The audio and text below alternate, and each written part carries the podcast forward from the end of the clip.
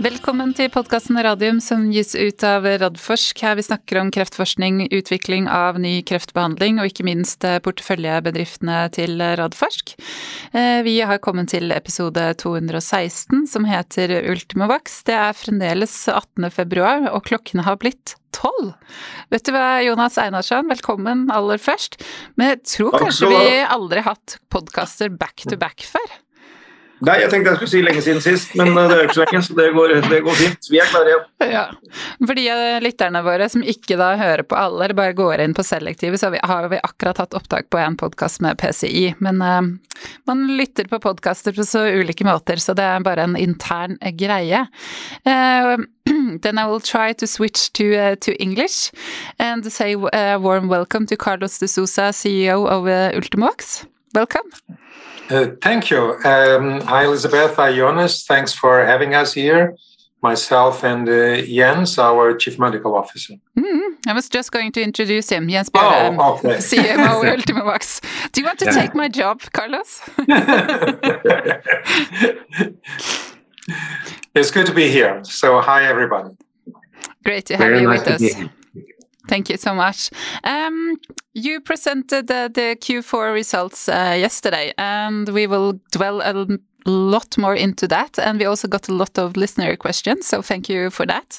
Uh, but uh, firstly, to have a more broader picture, um, Carlos, how will you summarize 2021 uh, for Ultimovacs? Well, I, I, think in summary, was a, uh, 2021 was a, um, a, very, very good year for Ultimovacs if I would uh, kind of uh, highlight uh, some of the, the news we had in 2021, I would have to choose in first place, you know, the fact that we have had the data from the melanoma study in combination with pembrolizumab. Um, you know, the, the data was um, very good. Uh, and, and that is represent the fact that we were uh, presenting this data at ASCO with very good uh, reception there, the data. Um, and also then, you know, further during the year, the, you know, additional data uh, on the study. So I, I think the, uh, we got a lot of attention, as I mentioned, because uh, as everybody knows, we 30% of the patients, you know, had a disappearance of the tumor, you know, so this is very good. An additional 29% had a tumor reduction. So this this really was the the, the key um, uh, data disclosed during ASCO, and then of course uh, during the rest of the year is still for the study. You know, we we showed that uh, not only the patients uh, had a good response, but also in terms of um, overall survival or how many patients are still alive after uh, 24 months in the study, you know, we, we 80% of the patients still alive after 24 months going up to 90% after 12 months. So this this is a very good data, and this I would kind of highlight this uh, for 2021. But of course, we also had um, you know a new study being initiated.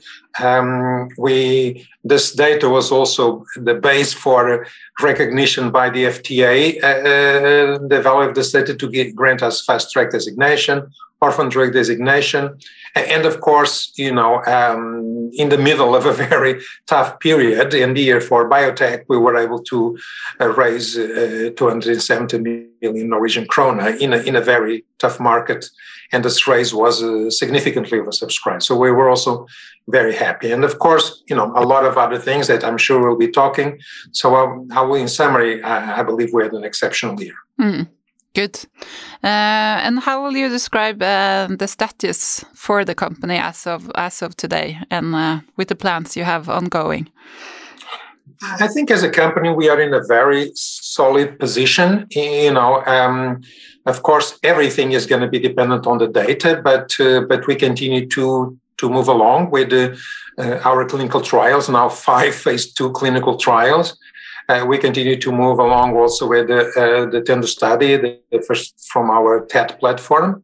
Um, and also, you know, we are going to get uh, to have additional data during this year. And, and I think a very important uh, point that is a challenge for for all the biotech companies is funding. You know, the fact that the where the capital raise gives us a, a runway towards the first part of 2024 is really an uh, enviable position to be at this moment. Uh, you know, where, where there, there is a lot of volatility overall, you know, the market, the world, uh, and really uh, allows us to focus on the business and making sure that we continue to run these clinical trials on, on the way to what we expect is positive data. Mm. And I just have to comment on that because having five uh, phase two studies at once as a small biotech company, how many employees are you now?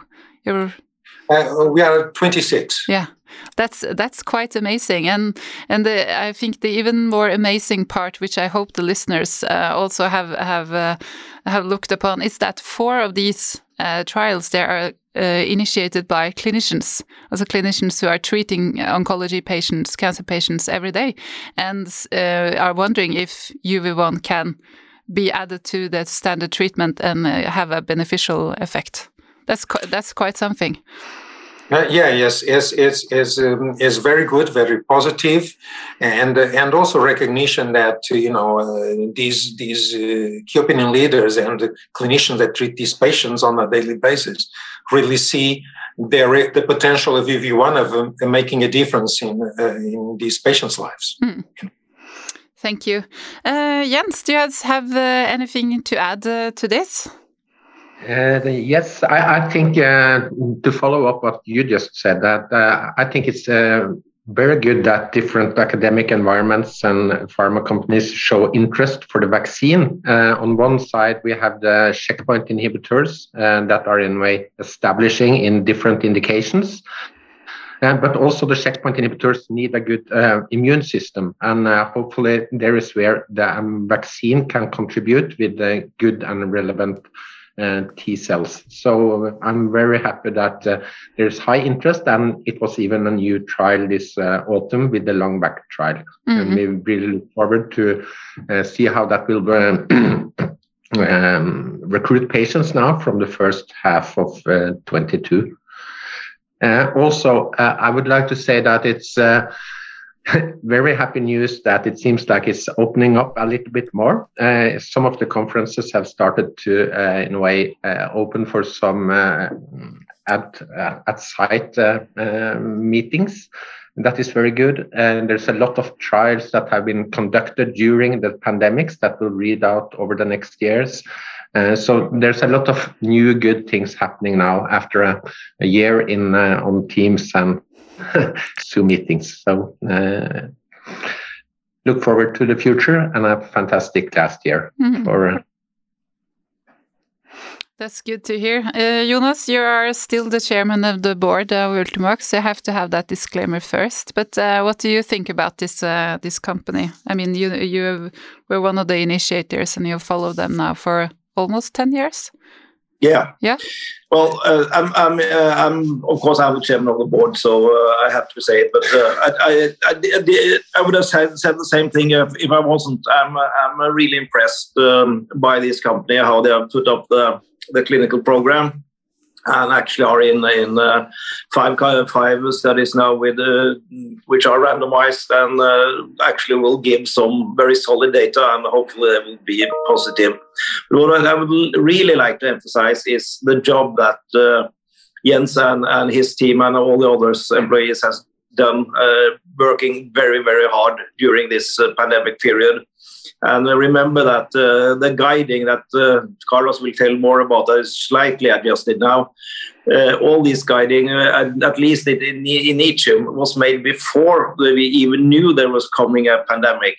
And, and still we see the recruitment pace in in uh, both that and, and in uh, in the other trials. And I think that is really the most impressive one. And I know that Jens and, and his people has been talking to the, the key opinion leaders and the clinicians working on the sites that are a part of, of these studies and feeding them with new, very impressive data from uh, the, our first trials. And I think that the most important thing that we really have had this good, very good recruitment is that the clinicians are out there looking for patients because they really want to treat them with with this uh, with, with this new treatment. So that that is uh, the main main achievement during the last two years, I think. Mm. And that's a great uh, show of confidence. Absolutely, when when clinicians are doing this. Um, that was a nice bridge uh, over to the first uh, questions I have for the Q4 presentations, actually, uh, which was uh, enrollment, which you put quite an emphasis on yesterday to go quite uh, nicely through. So, um, Jens, may you walk us through the numbers uh, here again, because the enrollment is going well in your studies.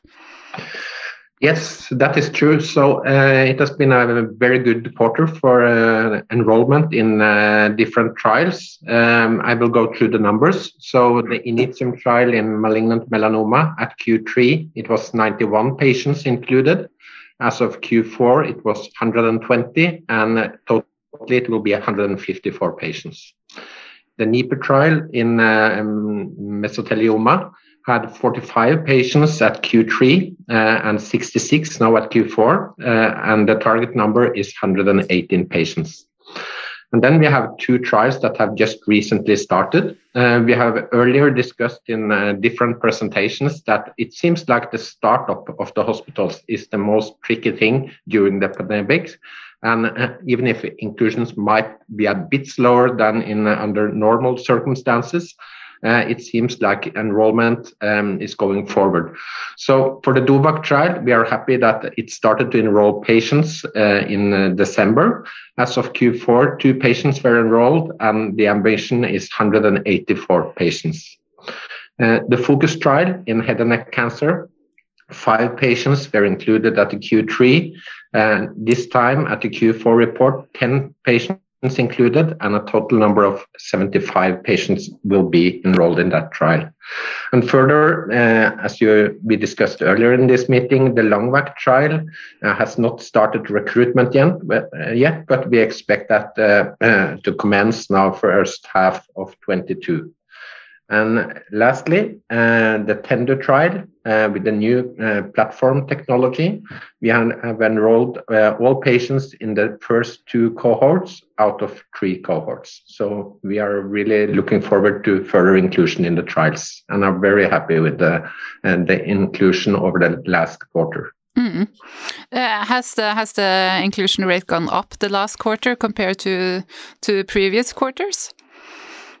So it's uh, always dangerous to say that uh, uh, there, numerically there is a higher number of patients uh, uh, included in, in, in the trials and now over the last quarter than earlier.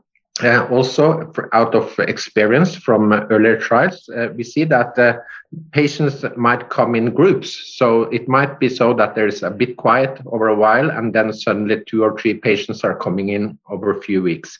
But numerically, um, the numbers are far higher uh, this last quarter for the Initium and NIPU trial as compared to the previous quarter, and we are very happy for that. Mm. Uh, is this due to to maybe easing up of the pandemic, or do do you know? Do you have any? Uh, answer? First of all, so um, in, in, in these trials, um, the number of sites open for inclusion is higher, and there is, I guess, a bit less pressure on the hospitals when it comes to um, other obligations due to the pandemics. We have heard from some hospitals that personnel has been uh, put in other departments um, at peaks in different countries and also that some patients have been afraid going to the hospital with high COVID numbers in, in society. But it seems like with the new Omicron variant, uh, things are easing up a little bit. That is at least our experience with uh, with uh, investigators in the trials. We are trying to have a regular meeting with them to, in a way, update them and also them to update us about the situation. Uh, so uh, we think we have a quite good understanding of uh, how things are uh, moving in the different countries, and it seems like it's going to be. Uh, it has been an easier period, and we really hope that that will last over the last part of inclusion in these trials. Mm. That was actually my next, next question. How do you ev evaluate the enrollment going forward now, as we might see an ease of uh, the pandemic? Uh, hopefully, no new mutations coming back. yeah, so it's uh, always difficult to predict the future, but uh, let's hope that we can continue the good pace we have right now. Uh, we will do everything we can to include the patients. Uh, it's important both for understanding if the vaccine is working, both for the patients and the doctors that are included, that has done a fantastic job during the pandemic. So we will support as best we can and hope that there will not be any new uh, hurdles in the way over the last months. Good. Thank you, Jens. Um, Carlos, uh, just a follow up, uh, since you had to push the guidance of the data readout for the NICU and NIPU trials half a year from second half 2022 to first half uh, 2023.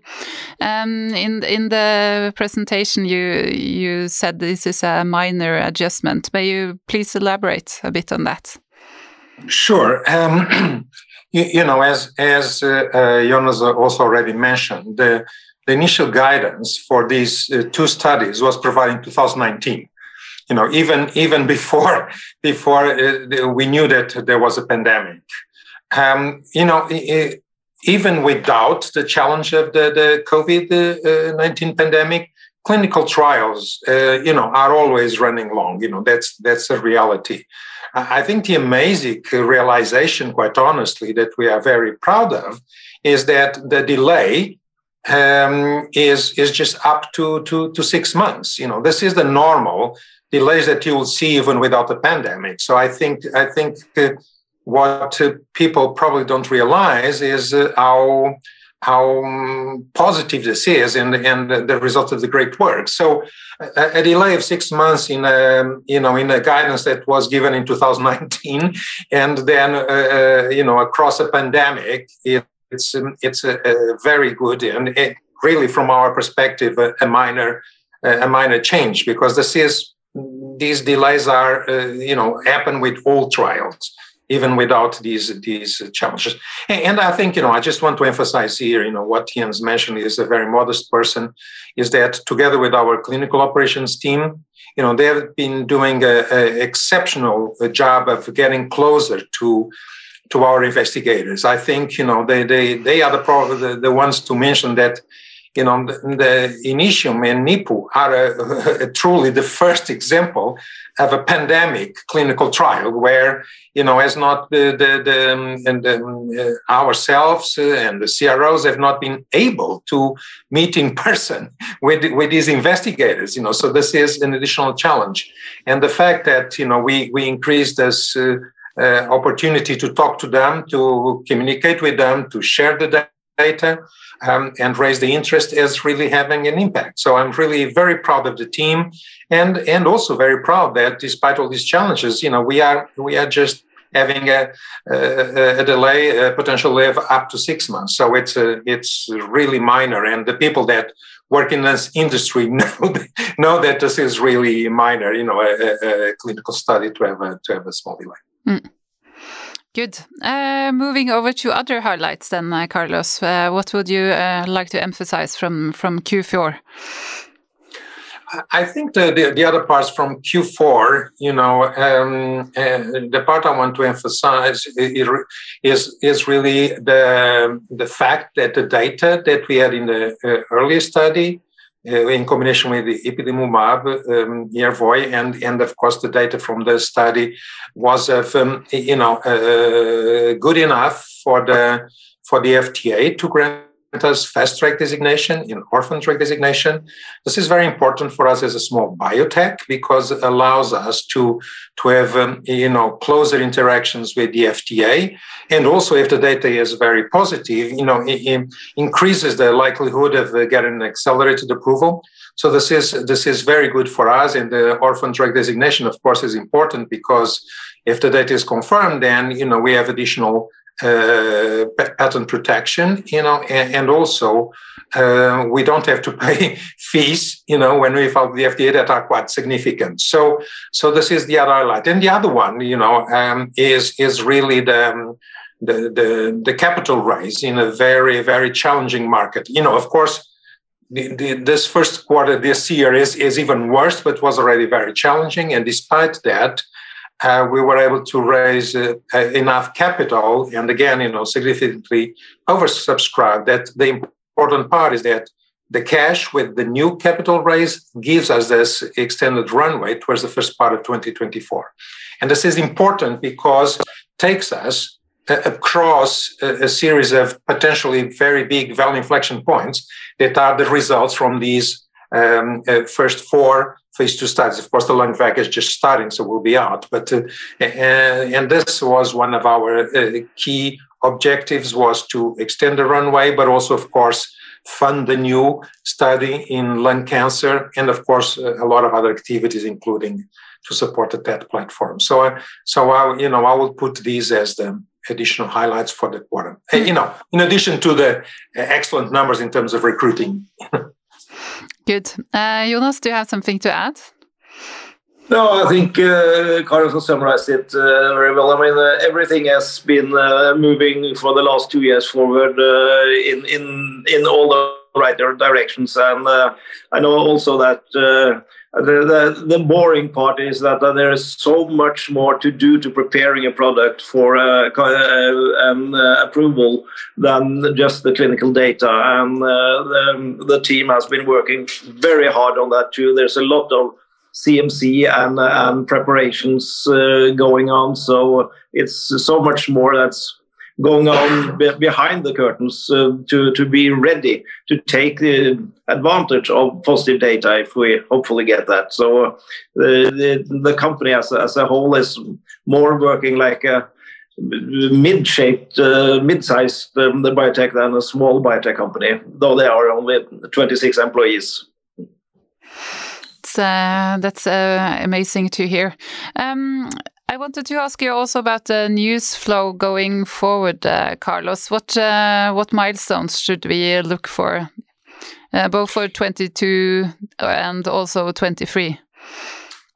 Well, starting in 22, you know, um, of course, we are going to have data uh, announcements on the, the continued development of the clinical trials. You know, when when we, we will announce when the first patient in the LUNGVAC study is enrolled. Uh, uh, we will also uh, announce when we have the 24 month follow up data on overall survival uh, for the second cohort in the melanoma study in combination with pembrolizumab. That's expected on the third quarter.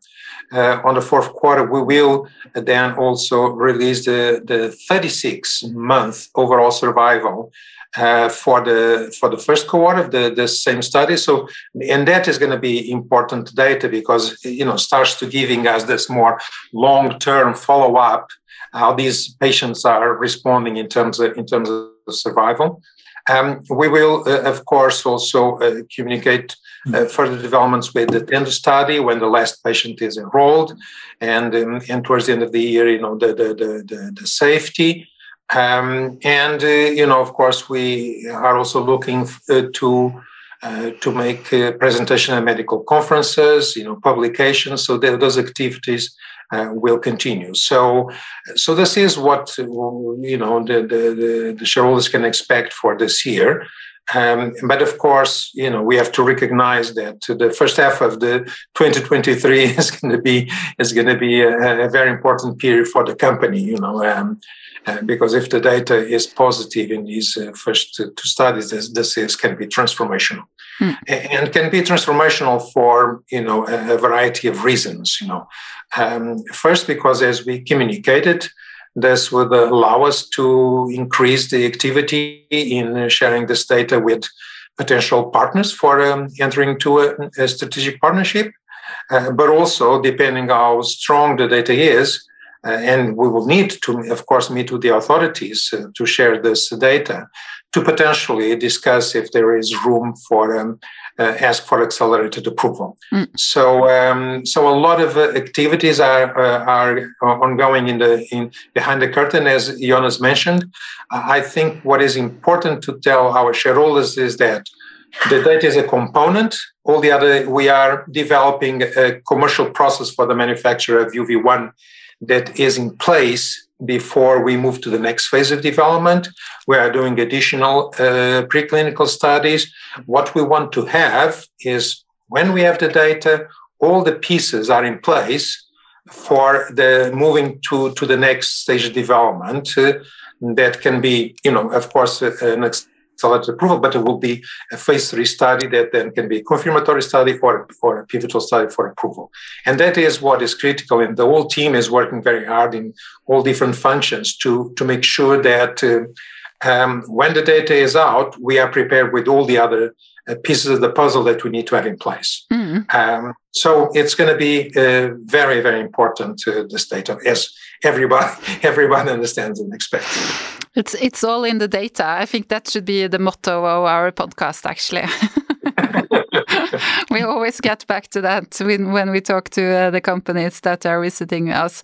Um, I just have a follow up question. If you look at uh, best possible turnout that the data are uh, great and that you go to the FDA and uh, ask for uh, accelerated approval and that you are granted accelerated approval. How fast can actually UV1 be on market? Um, I mean, this is pure speculation, but uh, I guess you have run this uh, through internally, maybe. Yeah, no, uh, absolutely. So, um, and of course, I'm not going to speculate here, but what I want to say, because sometimes people don't understand that, that filing for an accelerated approval is the same thing as filing later on after the phase three for a for a, a full approval the, the, the package that you have to put together, the dossier, the meetings are the same. So this is a lot of work. It's not just happen from one month to the other. So with a few exceptions, the, the dossier that you prepare is very similar to what will be the final dossier. So of course, after the data, you know, it's part of the part of the process that uh, we have uh, different meetings with the regulatory authorities in that preparation, and this uh, takes time. So uh, um, so I'm not gonna, you know, tell in detail, but is is is not going to be from one month to the other, you know, no. because this is this is like preparing a full is preparing a full dossier, and that that of course takes time and different interactions with the authorities. What helps here, of course, is with the fast track designation, particularly in the US. You know, this gives us already, you know, some some advantages in terms of this closer communication with with the FDA. Hmm. Is it possible to see, say something about the timelines that the FDA uh, they, do they have to get back to you in a certain amount of time or? Uh, you know, the, the, there are different stages. You know, so you know you you need to first share the data. You know, and then and then if the you know the next step is to the first step after the data is to share the data with the authorities, and then you know this is this is part of what is called end of phase two meeting, and at that meeting then you discuss if the data is strong enough that they see, you know, and all of the authorities are even the, the ones, the first ones to suggest that. If the data then is is strong enough and they see that there is a, a potential for an accelerated approval, that you know triggers then another another period that is the, the preparation for the uh, for the for the study. But the first the first uh, um, you know feedback is not like we're going to be months and months and months without telling the market. Uh, you know we will first of course share the, the top line results and then you know we will share the results of the, the, the initial discussions with the authorities and then of course you know what what those discussions with the authorities entail. Uh, and then we you know we need to go through the normal motions of preparing a full dossier for um, for um, for a filing. Mm. um, so we, you know, as you know, we we are recognized as a company that uh, you know is transparent and try to to to be open with our shareholders. We think that is important. Uh, that's why also you know we. we, we told the, we told the market that we had this uh, minor delay. You know, we, we could have just continued. Uh, so we will continue to update our shareholders as as is um, typical with us. That's good to hear. And uh, I mean, 2023 is still uh, one year ahead, so there will be a lot of things happening before that. But uh, am I right when I say that uh, news-wise, uh, the 2022 is more like a watch and wait year for Ultimovacs? you know it's not going to be of course you know the the, the all the, the the news that we had last year and of course 2023 is the you know is is a critical year for the news uh, for the news but but is not without without news you know we are gonna we are gonna have data that uh, you know additional data on the uh, overall survival and long-term follow-up on the uh, melanoma study in combination with pembrolizumab that is going to be very valuable. And of course, you know, uh, we will uh, also have data on that. So, you know, it, it is not as um, so data as the, the, the, previous year they expect, but is but it's also not a year without without any news. Mm. You hmm. know, without any news. Good, great to hear. Um, before we go over to the questions from the listeners, I just want to to add that uh, we covered the LUNGVAC study in episode uh, 198, where we had Terje Bjurustugen as a guest. He is the main investigator working at uh, Drammen Hospital. Um, so if you're curious to know more about uh, that study, uh, which will commence uh, during the first half year this year, then you can go back on on SoundCloud or whatever podcast application you're using to listen to that episode. Um, okay, we have a lot of questions. So uh, okay. we start. Are you prepared? sure. sure. we like to have questions. Yeah, us. that's good. That's uh, it shows shows a lot of interest. Uh, the first one is uh, Carlos have stated that the company is working to expand investor interest and ownership beyond Norway into Sweden, Scandinavia, the U EU, the US. Um, is it possible to elaborate a bit on what activities the company are pursuing to achieve this goal? Sure, uh, I, I, really uh, uh, would like to to thank for this question. Um, so we, we are going to do, we are doing, we have been doing, we'll continue to do, but uh, we will increase uh, the activities. So uh, in the in in Norway, um, you know, I'm not going to disclose much now, but uh, as if as we expect in the next couple of months to that all the restrictions for people to get together will will disappear. So we will have initiatives to get closer to our shareholders you know. So you know keep uh, keep alert to that. And uh, because Anne our head of investor relations will be will be in touch. So that's uh, the, in the in the local market. Um, you know, if we talk about um, uh, other Nordic countries, uh, as everybody knows, we have been increasing uh, significantly the number of Swedish investors. Um, we, you know, we collaborate with Biostock uh, to, to get exposure, uh, but we are also going to start working with Redeye in Sweden, you know, where they will be covering the company, but also uh, increase the exposure through uh, regular meetings, um, presentation to investors, uh, where we will make the company more visible. And, and we'll also look for opportunities to get closer to the shareholders. Uh, you know, a, a, big number of shareholders that we have in in in, in Sweden. Uh, when we, you know, uh, move more outside, you know, we were very pleased that in the last capital raise, you know, we had 100 new investors coming into the company. Of course, still, you know, a, a big concentration in Norway, uh, but we also uh, start more and more to get uh, investors from um, other European countries. So we have been uh, having normal, what is called non-deal roadshows, where we present the company to to investors, and we are going to increase that. So um, you know, working with our uh, with LifeSci Advisor is our you know the firm that supports us in these activities, and in uh, you know really organizing these uh, meetings with investors in in Europe and in the US. You know, introducing the company. We are also going to be you know participating in investor conferences. Um, is is always a little bit challenge for these conferences when they are not in person. So we are happy to see that more and more of these conferences are, are going to happen in person. So we will also be presenting there. So the, the objective is really to increase this visibility and knowledge about what we do. And and uh, and really inform investors that uh, of what we have done but also particularly what is coming Good, thank you. Uh, the next question is for uh, Jens. Um, you obviously saw rapid enrollment of cohort 2 in the TENDU st study based on when you opened for enrollment in cohort 3. Are you anticipating the same enrollment speed in cohort 3 as cohort 2? Yes, so uh, let's hope for that. There is no uh, nothing in the protocol that uh, should make it more difficult to enroll patients on on the next uh, level uh, in the TENDU study. Um, so uh, we are um, positive and hope that enrollment will be uh, going quite fast. We will announce the full enrollment when it's clear in, in cohort uh, three of the study. Mm-hmm. So let's cross our fingers that it uh, will be uh, a good enrollment. Good. Uh, next uh, questions are for you, uh, I guess, Carlos. When can we expect immune response data from the TENDU trial to be communicated? Whether you are seeing the right immune response or not is a major value inflection point for the platform.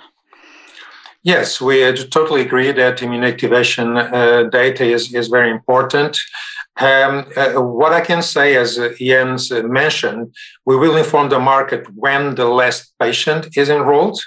Um, you know, immune activation is measured at different types, uh, different points in time during the study, and uh, these patients are followed followed up by six months with uh, with measurements after that. So when we uh, announce the last patient then enrolled, that will allow us to give a better idea when can we expect the uh, to have more data you know because after the the six months you still need uh, time to analyze all these samples. So uh, we will give uh, uh more uh, better guidance when the, when we know less patient enrolled mm, good thank you uh, this is also for you, Carlos. You said on Q4 that you are still in contact with key opinion leaders and organizations regarding further collaborations. Do you agree that a trial investigating UV1 with Roche, a checkpoint inhibitor Tecentriq, thereby combining with the top five checkpoint inhibitors, will complete the UV1 story? well, of course, you know that will be that will be nice, but you know we we we need to be very uh, strategic in terms of uh, new studies. Yes, we have interest, uh, but we need to see what are we going to gain with new studies. And although Tecentriq is one of the products there, is is not the, the, the biggest one. Uh, so what is important for us is is the study going to give us new data, different data?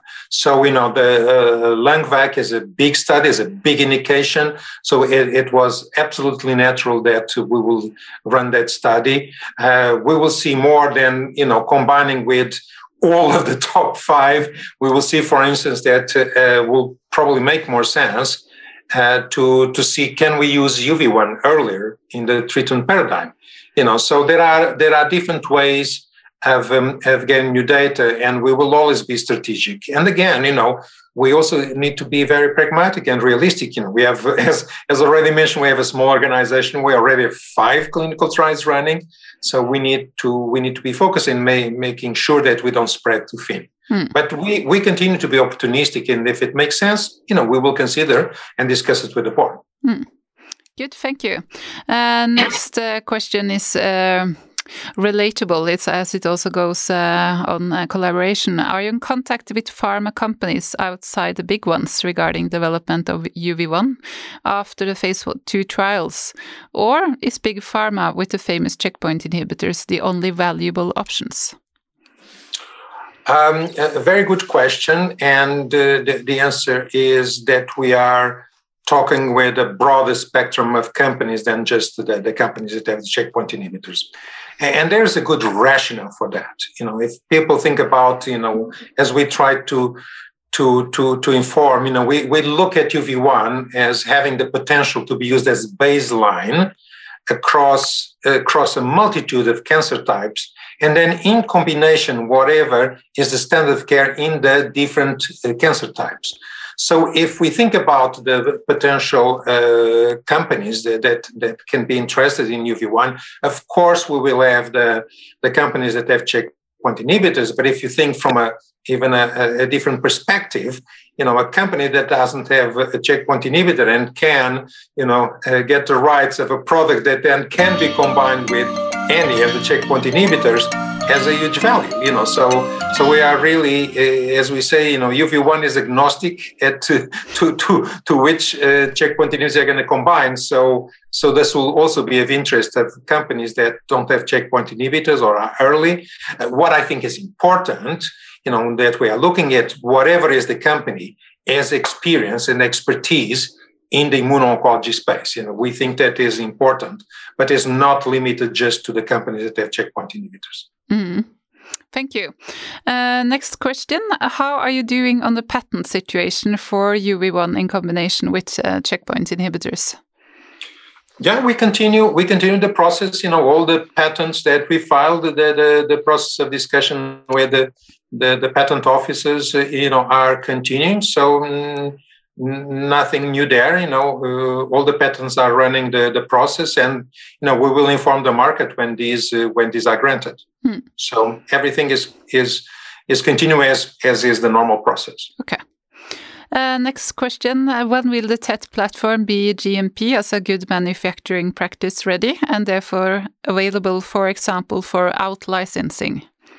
um, well, what what I what I you know I, uh, we already communicated and we are doing you know so so we have the TENDU trial that is you know in prostate cancer, but of course you know we continue uh, different types of activities you know and we from this also during the capital raise to to continue uh, building up data uh, on the TET platform overall. So this means preclinical data, but yes, you know we are also, of course, uh, developing um, a, a, a, better uh, process to produce uh, products with using the TET technology. So, um, of course, you know, I'm, I cannot uh, say at the moment when is this going to be. Uh, but what I can say is that, as usual, you know, when when we have information that we think is appropriate to to communicate to our to our shareholders you know we will do it you know we will do it. Uh, but uh, what i can confirm is that um, you know we are we are making the investments also in support of TET both preclinical cmc and and of course you know it will be very important to get the initial data from TENDU that supports also the the, the platform. Mm. uh, next question is for you jonas can you comment on the royalty agreement with Leiden University on the TET platform? Specifically, what is the royalty rates payable to Leiden on sales and milestones? And if you can't uh, comment on the deal, can you comment on what is generally a standard for these types of TTO as a technology tech officer patent licensing deals? As I know you have a lot of experience with that. Yes, uh, well, uh, as the listeners uh, is saying, this is a typical uh, license agreement between a tech transfer office and uh, a small biotech company. And there are some uh, even international industrial standards for that. And we have communicated earlier on that these are aligned with, with what is the usual industrial standards of these kinds of license agreements. And we are not allowed to comment uh, anything more about uh, how it's built up with uh, with milestones and, and royalty. But it's it's the typical TTO license agreement. Mm. Good, thank you. next question. I know it's common for big pharma companies to be in due diligence process while the proof of concept studies are running and go ahead with deal offers on positive readouts. At the same time, you have said you are in talks with pharma companies on phase 3 designs, etc. Is this a sign of Ultimovacs aligning its preparations with big pharma, so a potential deal with Ultimovacs and UV1 will be more enticing? Um, you know, first I would like to start by uh, making a, a small correction. Um, we never said that we are in discussions with big pharma for the design of phase three. You know what we, uh, what the, the, normal process is. We we internally in the company, of course, have to think about that. We have ideas of uh, how phase three uh, would look like um, you know, we will need then to share these uh, these uh, designs with with the regulatory authorities. Uh, what uh, what is important is that uh, when we when we talk and we start uh, potentially, you know, if we have positive data negotiations with um, with a potential partner, that we can show them we can show them that we what will be the next step you know so not that we have been discussing with them. That will not be correct you know right thing to do. What we want to to to make sure is that when those uh, discussions uh, start more actively we can show them that we did all the steps. You know, so we have the data, we have a product manufactured in the commercial process. We thought about what will be the next step. You know, hopefully by that time we will also have discussed, of course, feedback from the authorities on on the data. And that that is what you know what what is going on. Um, and you know, we as we all know, you are not. Uh, in a rush to, to do a deal at any point in time. We think that it is important to do a deal. And, you know, assuming, of course, that it is positive, that it will be the, the, the highest value creation will be after we have the data. Um, so, you know, Ton, our chief business officer, is in, in, in regular contact with all the, the, the, companies that could be interested. And that is the normal process. You know, I think uh, all companies that operate in this space doing it. And of course, we share with them the data. And the expectation is that uh, the things will accelerate if um, if the data is positive, you know. And what we need to make sure as a company is that we are prepared for that. You yeah. know, there are other activities that we are doing, you know, and we should prepare for that. It's part of a, it's part of a process because we need to be prepared. You know, mm-hmm. the, the important part is that as a company, everything is in place and we are prepared if the data is positive because that's that's as much as we can do in order not to to to waste any time in moving to more active discussions mm. if the data is positive. Good. Um, i think that's the motto for the scouts isn't it? Always prepared. Can it be your motto for the company? Yes You know, I, you know, as I was saying, you know, I, when I was young, I was a Boy Scout, and you know, was the motto was that you know, always prepared. Yeah, yeah. Just saying. Uh, okay, so next question. Can you please give the Pembro plus UV1 study a name like Initium or NIPU so it will be easier to reference with typing out pembrolizumab plus UV1 study? I, I actually agree to this. I, you know, I, I, I agree, and uh, thanks for again for the suggestion. You know, it's. Uh, we will definitely look into that. You know, it's uh, sometimes difficult in the middle uh, advanced, but we will definitely look into into that because uh, the study is still, of course, running and everything. So thanks for the suggestion, and uh, and we will definitely look into that. You know. Carlos, let, us make it into a competition and, yeah, and uh, I'll, I'll, ask the listeners, but then, then they have to send the, the suggestions to Elisabeth. What? No, they can send it to Jens. no, he has he, he hasn't got the time to do this now, so you have to take care of this. Elizabeth. Oh That's my fine. god, I don't have the time either. Maybe call it a first study or first combo or something. Go with that. Okay, so next question. Uh, can we expect uh, updated results from the Pem pembrolizumab plus UV1 study? There we have it, the first combo, at a conference in the first half and updated top-line data later. Will you join the two cohorts for reporting purposes? So two questions. We can take the first one first.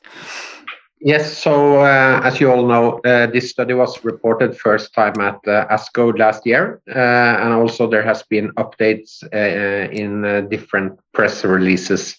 The study as such is a two-year study, and thereafter there's a follow-up of patients. So in six months' time, in August, we will have two-year data from both of the cohorts in this study.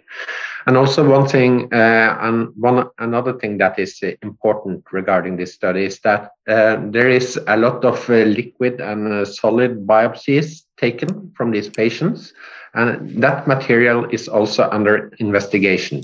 So at one point uh, in the future, within Outinway be too specific. The, uh, it will be a publication on, on the study, also including uh, information or the data from the research that were done on, on the uh, biopsies from these patients.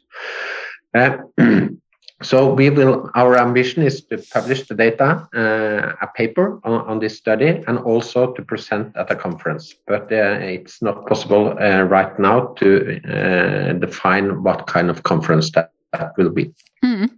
I, I, just have a follow-up question on what you said on, on the on the biopsies. Why why are these important? Yeah, so um, cancer vaccines. Uh, are still new kids on the block. Uh, so we need to understand more about the mode of action, how the T cells we are expanding are working uh, within the patients, Uh, we would like to see uh, and understand different aspects of that uh, more thoroughly that we are doing uh, today. So going forward, uh, the science part or the um, research part is also very important, as important as the clinical results, to guide for future studies and get a better understanding of how um, vaccines can fit into the standard of care in different indications. Hmm. And, and, that is just to complement that, and that is now part even in, in even more intense in all of the new stuff studies we are running. And also one of the one of the other benefits of the, the, the study, the focus study, and the, uh, the collaboration with Professor uh, Binder, because they are a, a leading group in understanding this uh, interaction between immunotherapies and the, the tumor microenvironment, uh, how the immune system reacts. So we really, as a company, in addition to the clinical data, and as, as Jens mentioned, we also want to have a better understanding of this dynamic situation and how these uh, uh, treatments interact with the, the, tumor and the immune system. Hmm. Uh, yes. So um, uh, the, the second part of this question was Will you join the two cohorts for reporting purposes? Well, so um, underneath that question, it's actually a different question, and that is, uh, are the two cohorts similar or uh, not similar? So we cannot answer that uh, as of now because the study is not uh, finalized yet. It will be finalized in August. But the important things to look at here is the safety profile. Will it be equals or quite similar safety profiles in the two different cohorts? That is one thing. And the other thing is uh, the efficacy signals we have been presenting. Are they uh, somewhat similar in the two cohorts? If we do not see any uh, major difference between the cohorts, it might be the most natural thing to combine the cohorts moving forward and then discuss uh, each of the cohorts uh, when necessary. Great, thank you. And we have a last uh, question for you, Jens. Um, you seemed unwilling in yesterday's presentation to quantify what the anticipated distribution of the 70 events in the INITIUM will be under the alternative hypothesis. Is there a reason for this? Maybe we should track back because uh, I don't think everyone saw saw the webcast yesterday. So, because you got a, a question regarding this, this didn't you? Yes, but uh, I, I, actually need to uh, ask you to repeat the first part of the question because the sound was a bit uh, uh bad. So if you could just ask the first part of the question again. Mm -hmm. you seemed unwilling in yesterday's presentation to quantify what the anticipated distribution of the 70 events in INITIUM will be under the alternative hypothesis. Yes. Yeah, so um, um, this is a very good question and a very interesting question. So um, remember that uh, developing uh, the UV1 vaccine up until now, we do have some efficacy and safety data from uh, phase one. We do not have any randomized data where we have compared the, the UV1 uh, on top of standard of care as of now. So we do not have the guide guidance moving forward uh, how strong the effect of UV1 is. So uh, if you go the other way around and you ask the clinicians, and we have done that in several advisory board, what is in a way uh, a good efficacy of a new drug combined with standard of care? And there is somewhat agreement out there around this that it, you should expect around uh, 20% increase on efficacy, for example. That is something that is uh, often mentioned when uh, this is discussed. And then you can calculate yourself backwards, and the design of the study, the statistics in the study, will be so that if it's positive, it will meet these standards. So instead of having the results right now, um, we are in a way moving backwards. We, we have the hurdle um, at a place where it's relevant. If the study is positive, it will be of a, a clinical relevance for the patients moving forward. But uh, how good or how many endpoints there will be in the different uh, arms, uh, it's of course too early to say, and um, mm, uh, we just have to wait for the results for that. Mm. Thank you very much. I hope that was uh, clarifying for for the listeners.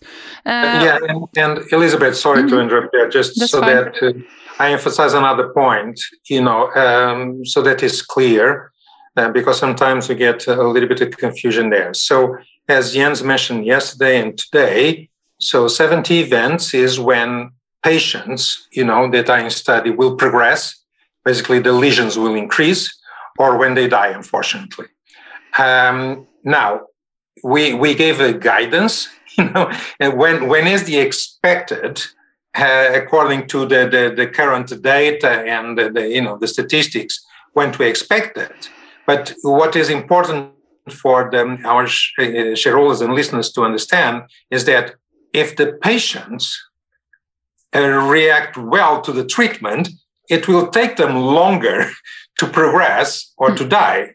So in reality, you know, the 70 events can come later than estimated if the patients uh, respond well to the treatment. So it's important that we all understand that you know we th- this is not uh, this is, we are dealing with of course with disease with patients. So these are estimations, but it can move in in both ways. You know? mm. So actually, if it's a good thing, uh, it it will take longer time. I think you summarize it. So basically, you know, if the patients uh, respond well to treatment, it will take them longer to to to get to the endpoint. So mm. so this is good for the patients. Mm. Thank you, uh, Jonas. Do you have anything to add before we take uh, take the weekend?